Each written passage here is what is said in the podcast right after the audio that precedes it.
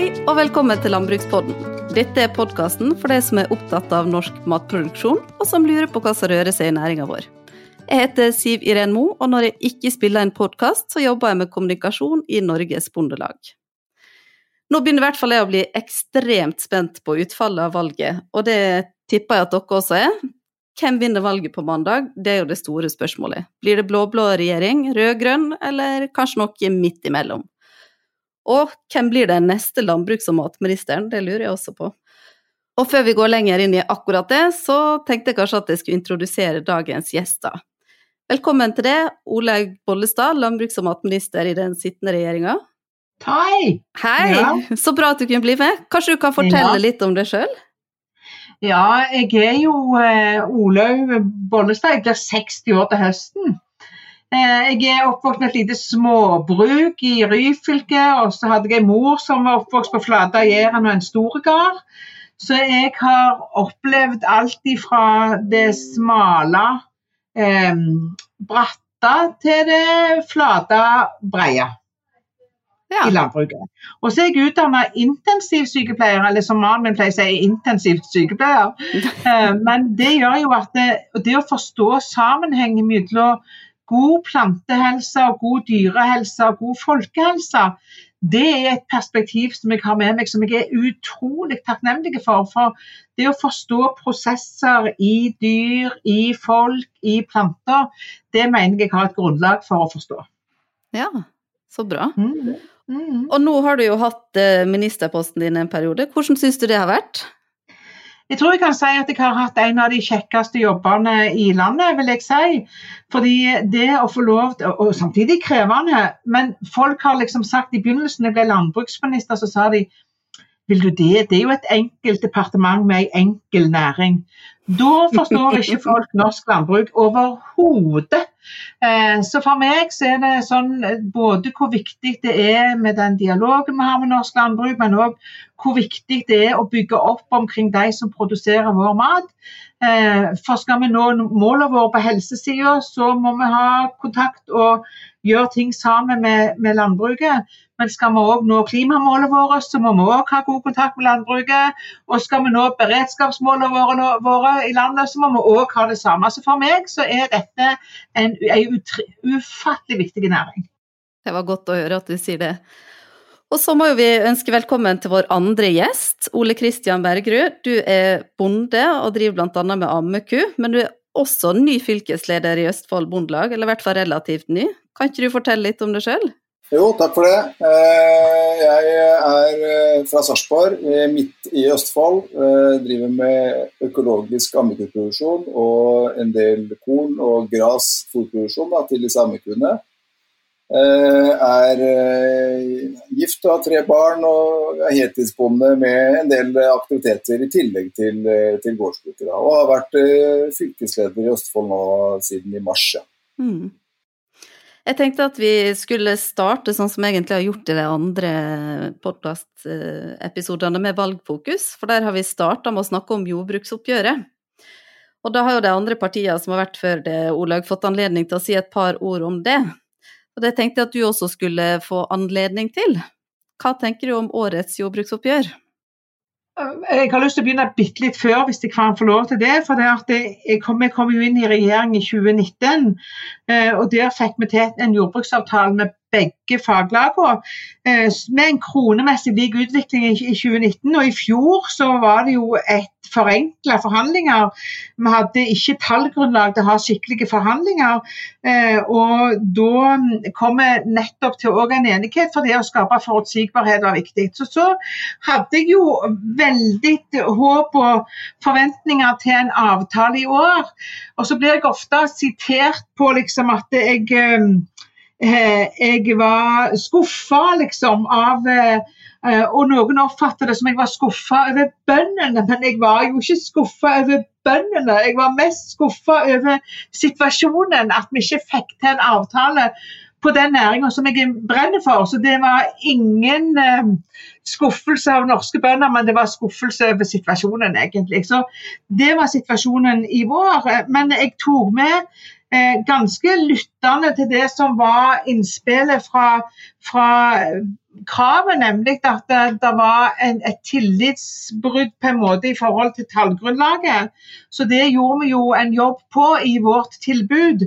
Eh, og så prøvde vi òg å vise i inn, inngangstilbudet, eh, og det er aldri sluttresultatet, vet du, at vi, vi ønsker en lik kronemessig utvikling som resten av, eh, av arbeidstakerne i, i, landet vårt. Men eh, nå ble det ikke sånn, men jeg håper inderlig at vi kan bygge den tilliten videre. For det er vi helt avhengige av både som land, men òg eh, så tror jeg at eh, landbruket òg vet å sette pris på det. Mm. Tenker du at det er noe eh, regjeringa kunne gjort annerledes for å få til en avtale da? Uh, det, det, vet jeg aldri i etterpåklokskapens navn. Det er alltid lett å være etterpåklok, men eh, jeg hadde eh, veldig store forhåpninger eh, både til meg selv, men òg til prosessen som skulle være i lag. Så vet vi jo alltid at det er en egen dynamikk de årene det er valg.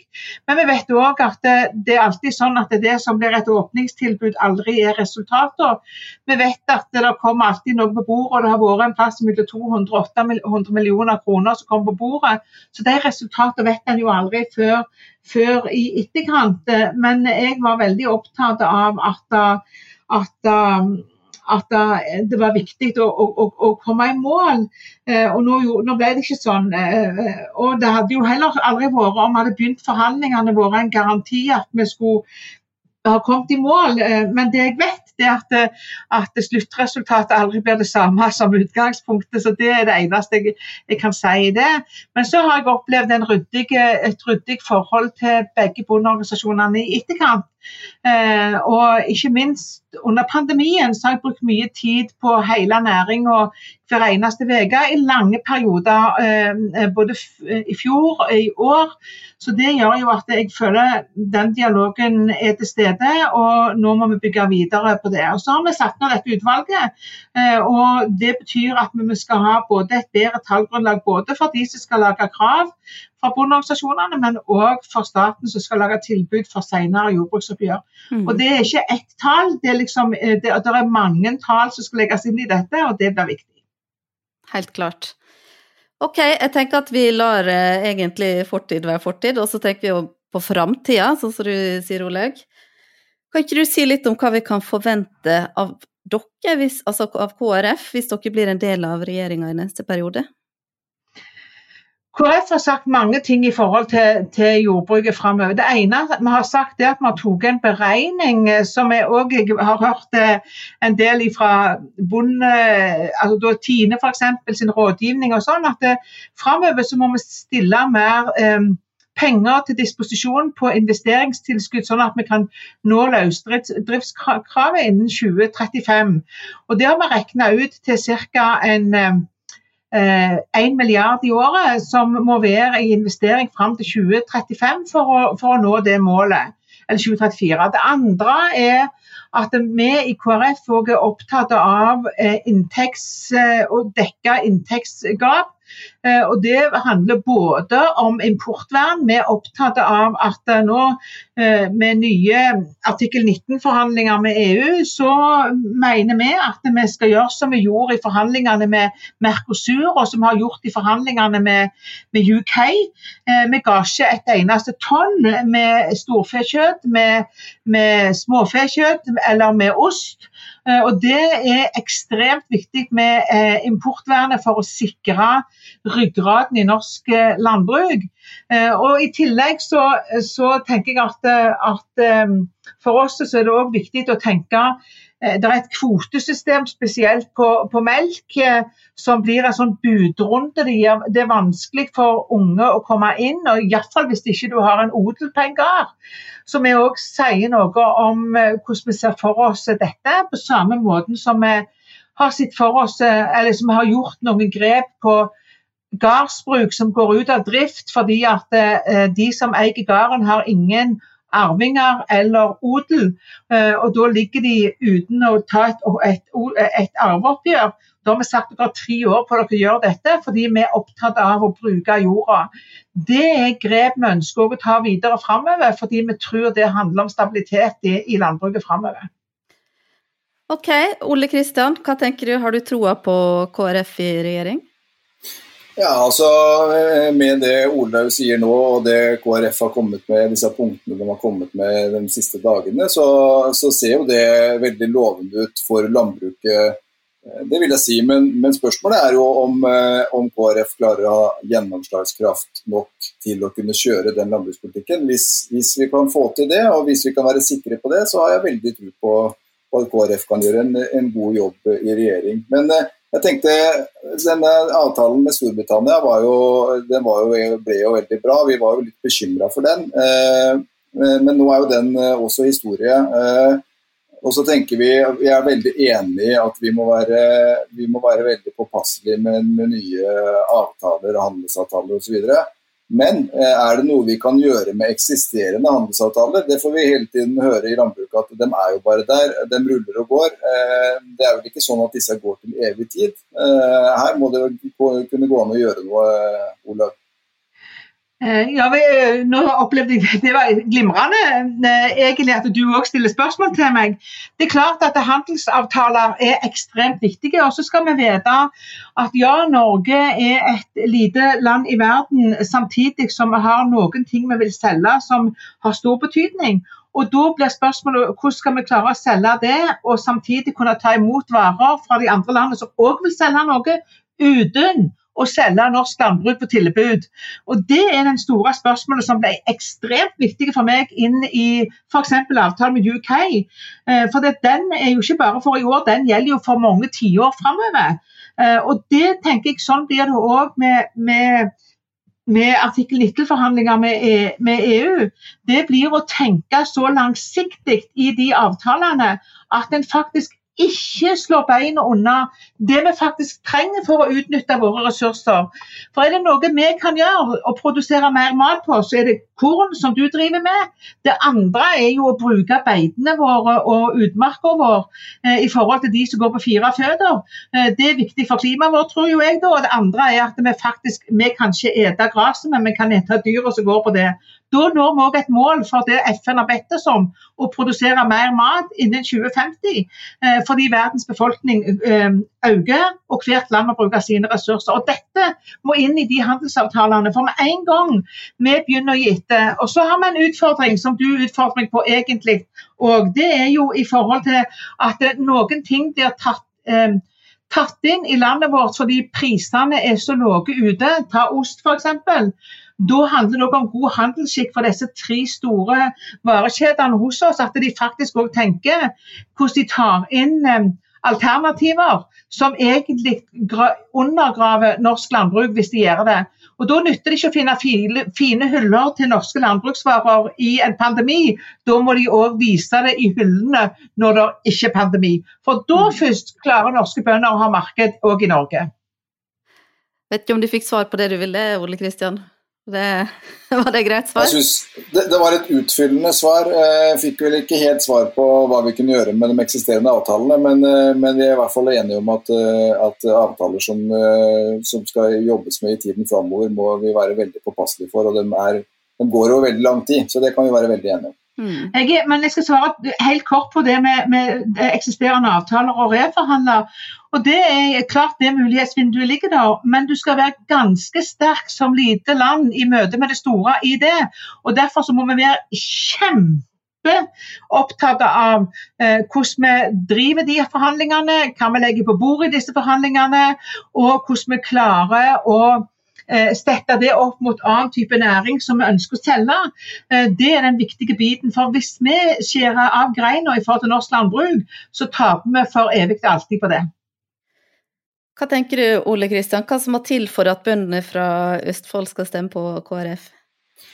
Nei, Hvis KrF eh, klarer å gjennomføre eh, det, lovnadene som vi ser nå, så, og, og, virkelig kan vise til at, eh, at, de kan få gjennomslag i regjering, så, så kan, kan, absolutt bøndene i stemme på KrF. Og det er klart at Eh, vi har jo store produksjoner som er viktige for oss, og er, eh, vi er helt eh, avhengig av gode rammevilkår. og det, det, vet Ole veldig godt. Så her er det bare viktig å fortsette å jobbe videre med disse, disse løftene som har kommet med nå. egentlig. Mm.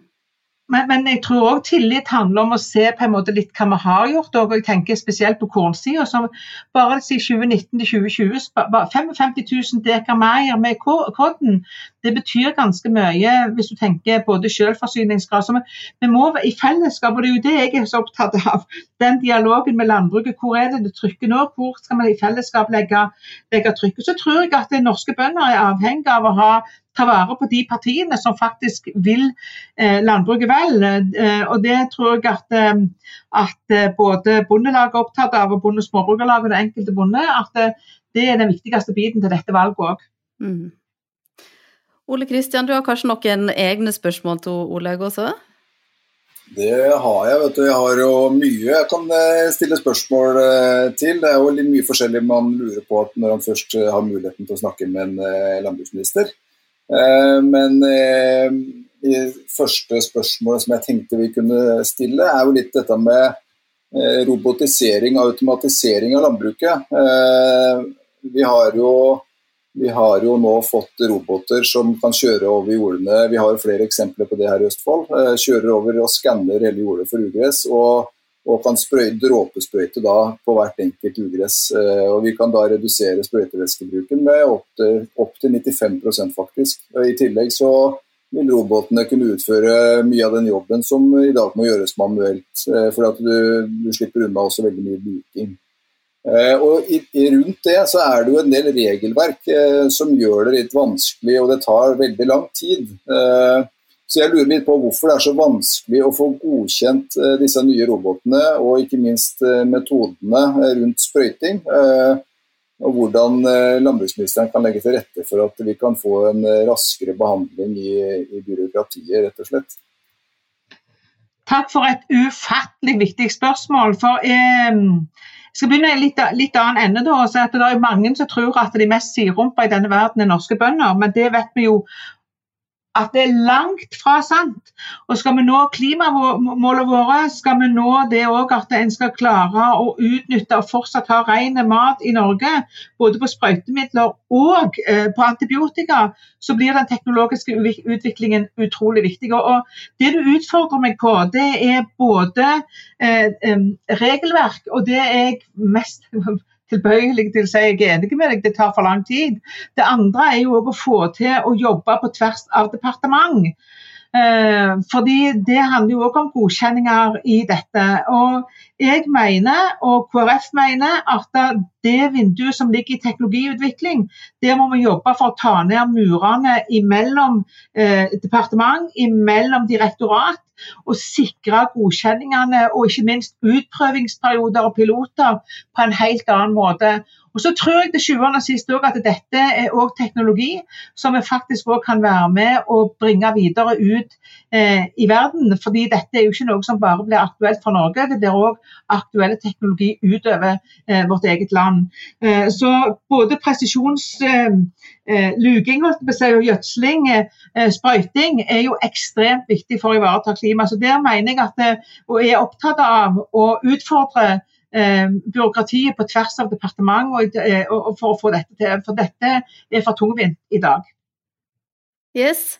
Har du flere spørsmål på blokka, Ole Kristian? Det har jeg. Det var forresten et, eh, et, godt svar på det forrige. Jeg tenker at det er veldig viktig at det, at det blir fortgang i det også. fordi at Eh, en del av disse bedriftene som har jobba i mange år med eh, å, å, lage fram disse robotene og, for, og systemene, eh, er, er, i ferd med å gi opp. Så det må skje noe ganske raskt. Eh, jeg er helt enig med deg, og da må jeg bare gi en liten tanke til som jeg har. For dette her har jeg tatt med meg både så har jeg dratt statsråder på tvers eh, inn i noen av disse bedriftene. Alt fra Mimiro til noen av disse teknologiske bedriftene som har piloter eller har eh, f.eks. enten dette sprøyting, luging eller disse her som fyker i lufta, hva det heter nå igjen? Eh, sånne mm, Droner? Eh, droner, ja! Altså, det, det, er mye i hodet akkurat nå. Så, og jeg har faktisk også hatt møte helt inn med statsminister, med kommunalminister og digitaliseringsminister, med næringsminister, som har på en måte fått litt øynene opp at det er mer som foregår i norsk landbruk, er no offense, disse bjødlene som er digitaliserte. Og Det må òg det politiske Norge skjønne, at her har vi et mulighetsvindu som er viktig både for landbruket, men ikke minst òg viktig for klima, for plantehelse og dyrehelse. Så jeg er faktisk helt, helt enig med deg. Så bra. Ole Kristian, jeg tror vi må hoppe på neste spørsmål. Jeg ser at vi, vi, vi snakka oss litt ut, så vi bruker tida fort her. Jeg skal passe på å være litt mer konkret. skal vi se. Uh, neste spørsmål. Det var veldig bra du nevnte Nofence til slutt der, for det, det, penser egentlig greit inn på det neste, og det går på rovvilt. Uh, hele Østfold er jo som du vet i ulvesona. vi har ikke så veldig mye skader på beitedyr, verken hos oss eller i ulvesona for så vidt. Det er noe. Men det er fordi at eh, beiting i utmark er mer eller mindre helt eh, utradert. og Vi kan da ikke få bruke Nofence f.eks. Men eh, de beitedyra som er igjen i områdene, eh, går innafor innenfor gjerder. Eh, og veldig mange går innenfor rovviltavisen-gjerder, men på langt nær nok. Eh, og det ser ut som i de møtene vi har hatt, så er både forvaltninga, rovviltnemndene og politikerne enige om at her skal det ikke stå på penger til konfliktdempende tiltak. Og Da er egentlig spørsmålet hvem er det som skal betale for disse rovviltavisene i gjerdene? Er det storsamfunnet eller er det bonden? Hvorfor er det ikke penger nok? Mm. Mm. Um, jeg har lyst til, Kan jeg få lov å begynne en bitte liten annen ende, Ole Kristian? For det at jeg er jo like opptatt av deg som at for det første, en ting at vi skal ha rovdyr i norsk natur. Men KrF har faktisk eh, i regjeringa fått gjennomslag for en mye tydeligere soneforvaltning mellom både beiteprioriterte områder, men òg rovdyrprioriterte områder. Og Eh, jeg mener, og vi mener at vi skal være raskere ute for å ta uttak der hvor rovdyr gjør skade i beiteprioriterte områder. Det syns jeg har kommet tydelig fram i, i vår. Eh, Bl.a. oppe i Bardu med bjørn f.eks. så har en kommet ut mye tidligere. Eh, og så er det jo sånn at vi i regjering òg har faktisk sørga for at Landbruksdirektoratet har fått en rolle når det, gjelder, når det skal lages regionale forvaltningsplaner. Og det, det, er jo nå nylig faktisk også gitt, et, eh, gitt, penger til et sånt et forskningsprosjekt nettopp for å styrke eh, kunnskapen om rovvilt og arealbruk. Og Det mener jeg det har ikke vært gjort før. og Vi, vi tok fant de pengene i Landbruksdepartementet fordi eh, det er ofte sånn at eh, bøndene kommer liksom på bak si, de blir på en måte nedprioritert i denne diskusjonen. og Vi har en todelt målsetting. og Derfor så var det viktig for oss at vi skal ha kunnskap med fokus ut fra landbruksområdet. Og så er det sånn at, at eh, jeg tenker at eh, vi må klare å tenke at når storsamfunnet pålegger bønder eh, hva skal jeg si det, utfordringer med, med, med at de må gjøre f.eks. eller bruke teknologisk utstyr, så kan en ikke pålegge det til bøndene eh, sjøl. Det mener jeg at storsamfunnet da må være med og bidra til. Fordi en har tatt noen debatter om hvor disse regionene skal være og hvordan disse kartene skal være. Og da kan det ikke være den enkelte bonde sitt ansvar alene. Da tror jeg faktisk at vi må hoppe litt videre, fordi at nå har vi fått litt svar på det som eh, Østfoldbonden og sikkert veldig mange andre også er veldig opptatt av. Men så har vi hatt, eh, i de tidligere episodene, så har vi hatt eh, Jeg har kalt det fem kjappe spørsmål som vi har stilt de ulike politikerne. Mm -hmm. Sist så var det Geir Pollestad som var her, og nå er det din tur, Olaug. Og da, ja. da, må du holde det litt kort. det skal være veldig kort. Du egentlig burde få sånn ja-nei-spørsmål. ja, men det er nesten det. ok, hva er det beste med norsk landbruk? Det beste med norsk landbruk det er at vi har bønder som utnytter ressursene på en god måte. Har lite antibiotikabruk og lite sprøytemiddelbruk i forhold til andre, som gjør at vi har en ren mat og trygg mat. Hva er det verste med norsk landbruk? Jeg har ingenting verst med det norske landbruket, for jeg har bare truffet flotte bønder. Så det vil jeg faktisk si at jeg, Det verste er ikke hva landbruket gjør, men hva de blir beskyldt for. Og de blir beskyldt for å være verstinger i klimautslipp. Og det syns jeg er det verste betegnelsen de får for at det er løsning og ikke problemstillingen. Vil eh, KrF ha flere eller færre rovdyr i norsk natur? Vi vil ha rovdyr, men vi vil ha eh, rovdyr på den sida rovdyra skal være. og De skal tas ut hvis de kommer inn i beiteprioriterte områder. Der har de ingenting å gjøre. Så, så, sånn som det er i dag, da? Eller? Ja, men nå er vi jo kommet over tallene mange plasser. og Det skal være på de tallene som Stortinget har bestemt, og ikke over det. Ja. Hva mener dere om importvernet? Skal det strammes inn eller lettes opp? Men det skal overhodet ikke lettes opp. Vi er ekstremt opptatt av å ha et sterkt og strengt importvern. Og så til slutt, skal vi ha et inntektsløft for norske bønder, og i så fall når skal inntektsgapet mellom bonden og andre sammenlignbare grupper være tetta? Eh, for meg er det viktig å si, Jeg møtte nettopp en bonde som sa jeg skal ikke ha lønn fra staten, men dere skal gi meg inntektsmuligheter, for jeg er selvstendig næringsdrivende. Så Det betyr at jeg er ekstremt opptatt av å, å tette dette gapet. Det har jeg vist i praksis de to siste oppgjørene, og jeg ønsker å fortsette det. Men det er andre ting som virker inn på dette enn også bare det staten gir. Det ser vi i år med tilleggsforhandlinger. At eh, det er strømpriser, det er oljepriser, det er kroneverdier, det er gjødselspriser som gjør at det, det, det må vi også ta høyde for. At det er andre ting som virker inn på hva, hva bøndene sitter igjen med på bunnlinja. Derfor så vil ikke jeg sette et årstall på det, men jeg jobber det jeg kan for å sikre at en skal få eh, dette, tette dette gapet. Mm. Ja, det er bra, og det ser jo vi at det, sånn som i år så har det blitt ekstra kostnader. Og når man på en måte trekker mm. fra det de har fått i tillegg, da så er det mm. ikke stort igjen. Men eh, du har jo sittet i regjering en stund, Oleg, og så er det jo en ting vi lurer spesielt på, da. Har dere noen tanker om hvem dere vil samarbeide med i en eventuell ny regjeringsperiode? Er det sånn at dere like gjerne kan samarbeide med venstresida som høyresida, eller hva tanker har dere rundt det? KrF er sentrumsparti, det har vi alltid vært. Eh, men det vi gjør, det er vi sitter i regjering og vi går til valg på den regjeringa vi faktisk sitter i. Og så har vi sagt at eh, hvis vi skulle havne i Stortinget, så vil KrF stemme for det vi er for, og mot det vi er mot. Det har det vi har sagt. Og så eh, Andre regjeringsalternativer har vi ikke nå, eh, men vi skal være konstruktive i Stortinget. Mm. Hva du tenker Ole Kristian, om dette?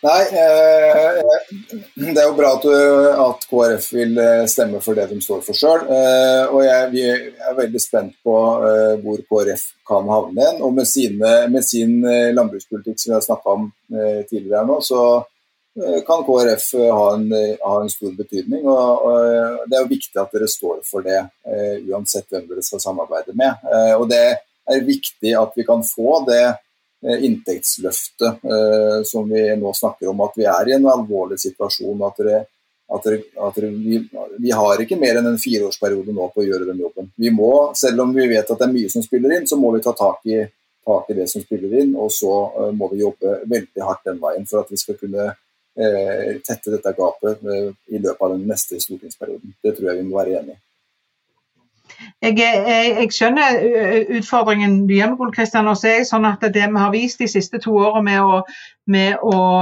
å gjøre, det, gjøre, det, vi sa, med å være med og gi kronemessig eh, mer i 2019. Så Derfor er jeg kjempeopptatt av den biten. For det nytter ikke bare å si vi vil ha norske bønder og stå og klappe, hvis vi ikke òg er villige til å gjøre en jobb for å sikre at en òg har inntekt å leve av.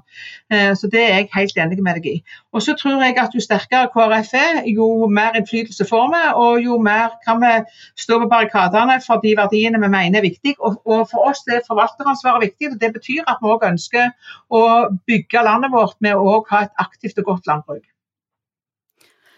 Oleg, du skal få lov til å faktisk få siste ordet her. Hvorfor skal bonden stemme på KrF under stortingsvalget den 13.9? september? det er jo fordi at vi eh, både er opptatt av, KRF, nei, av, av norske bønder som leverer trygge, eh, ren mat.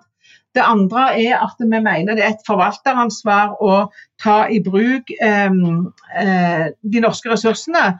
Og så er det sånn at eh, vi vet at i år er det veldig små marginer på om KrF kommer over eller under sperregrensa. Det betyr at det skal eh, KrF ha en betydning for norsk landbruk, så er det en vesentlig poeng at vi er over sperregrensa. Og jeg tror at norske bønder er avhengige av å ha partier som vil de vel.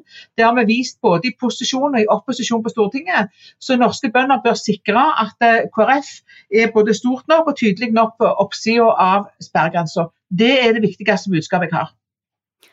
Da vil jeg bare si tusen takk til eh, dere begge to som var med her, og så vil jeg også si takk til dere som har lytta på. Nå gjenstår det egentlig bare å ønske alle et godt valg, og så håper jeg at valgepisodene vi har laga har gitt litt ekstra input om hva de ulike partiene står for. Godt valg, og husk å bruke magefølelsen og stemme for norsk mat. Jeg heter Siv Iren Mo, og du har hørt på Landbrukspodden, en podkast fra Norges Bondelag.